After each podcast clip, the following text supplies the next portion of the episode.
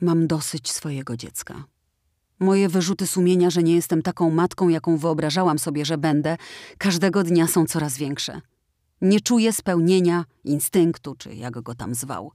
Mam naprawdę dość tego, że wiecznie jestem zmęczona. Ciągle tylko słyszę płacz, zawodzenie i krzyki. Nie pamiętam, kiedy ostatni raz się wyspałam. Nie mam prawa do odpoczynku. Mam wrażenie, że syn nie odstępuje mnie na krok. Jem z nim. Nie mogę wejść do łazienki, bo zaraz krzyczy. Zasypiam z nim, bo sam nie uśnie. Brakuje mi już cierpliwości. Kiedyś pożaliłam się przyjaciółce, matce trójki dzieci. Powiedziała, że to minie. Gdy zapytałam ją kiedy, nie potrafiła odpowiedzieć. Najbardziej jednak przeraża mnie odpowiedzialność za niego. Czasem ledwo widzę na oczy, a muszę mieć je dookoła głowy, bo już wchodzi gdzie nie powinien, dotyka czegoś, czego nie powinien. Czuję się też samotna. Mąż robi przy małym dużo i na to absolutnie nie mogę narzekać. Natomiast wydaje mi się, że teraz nic innego się nie liczy, tylko mały.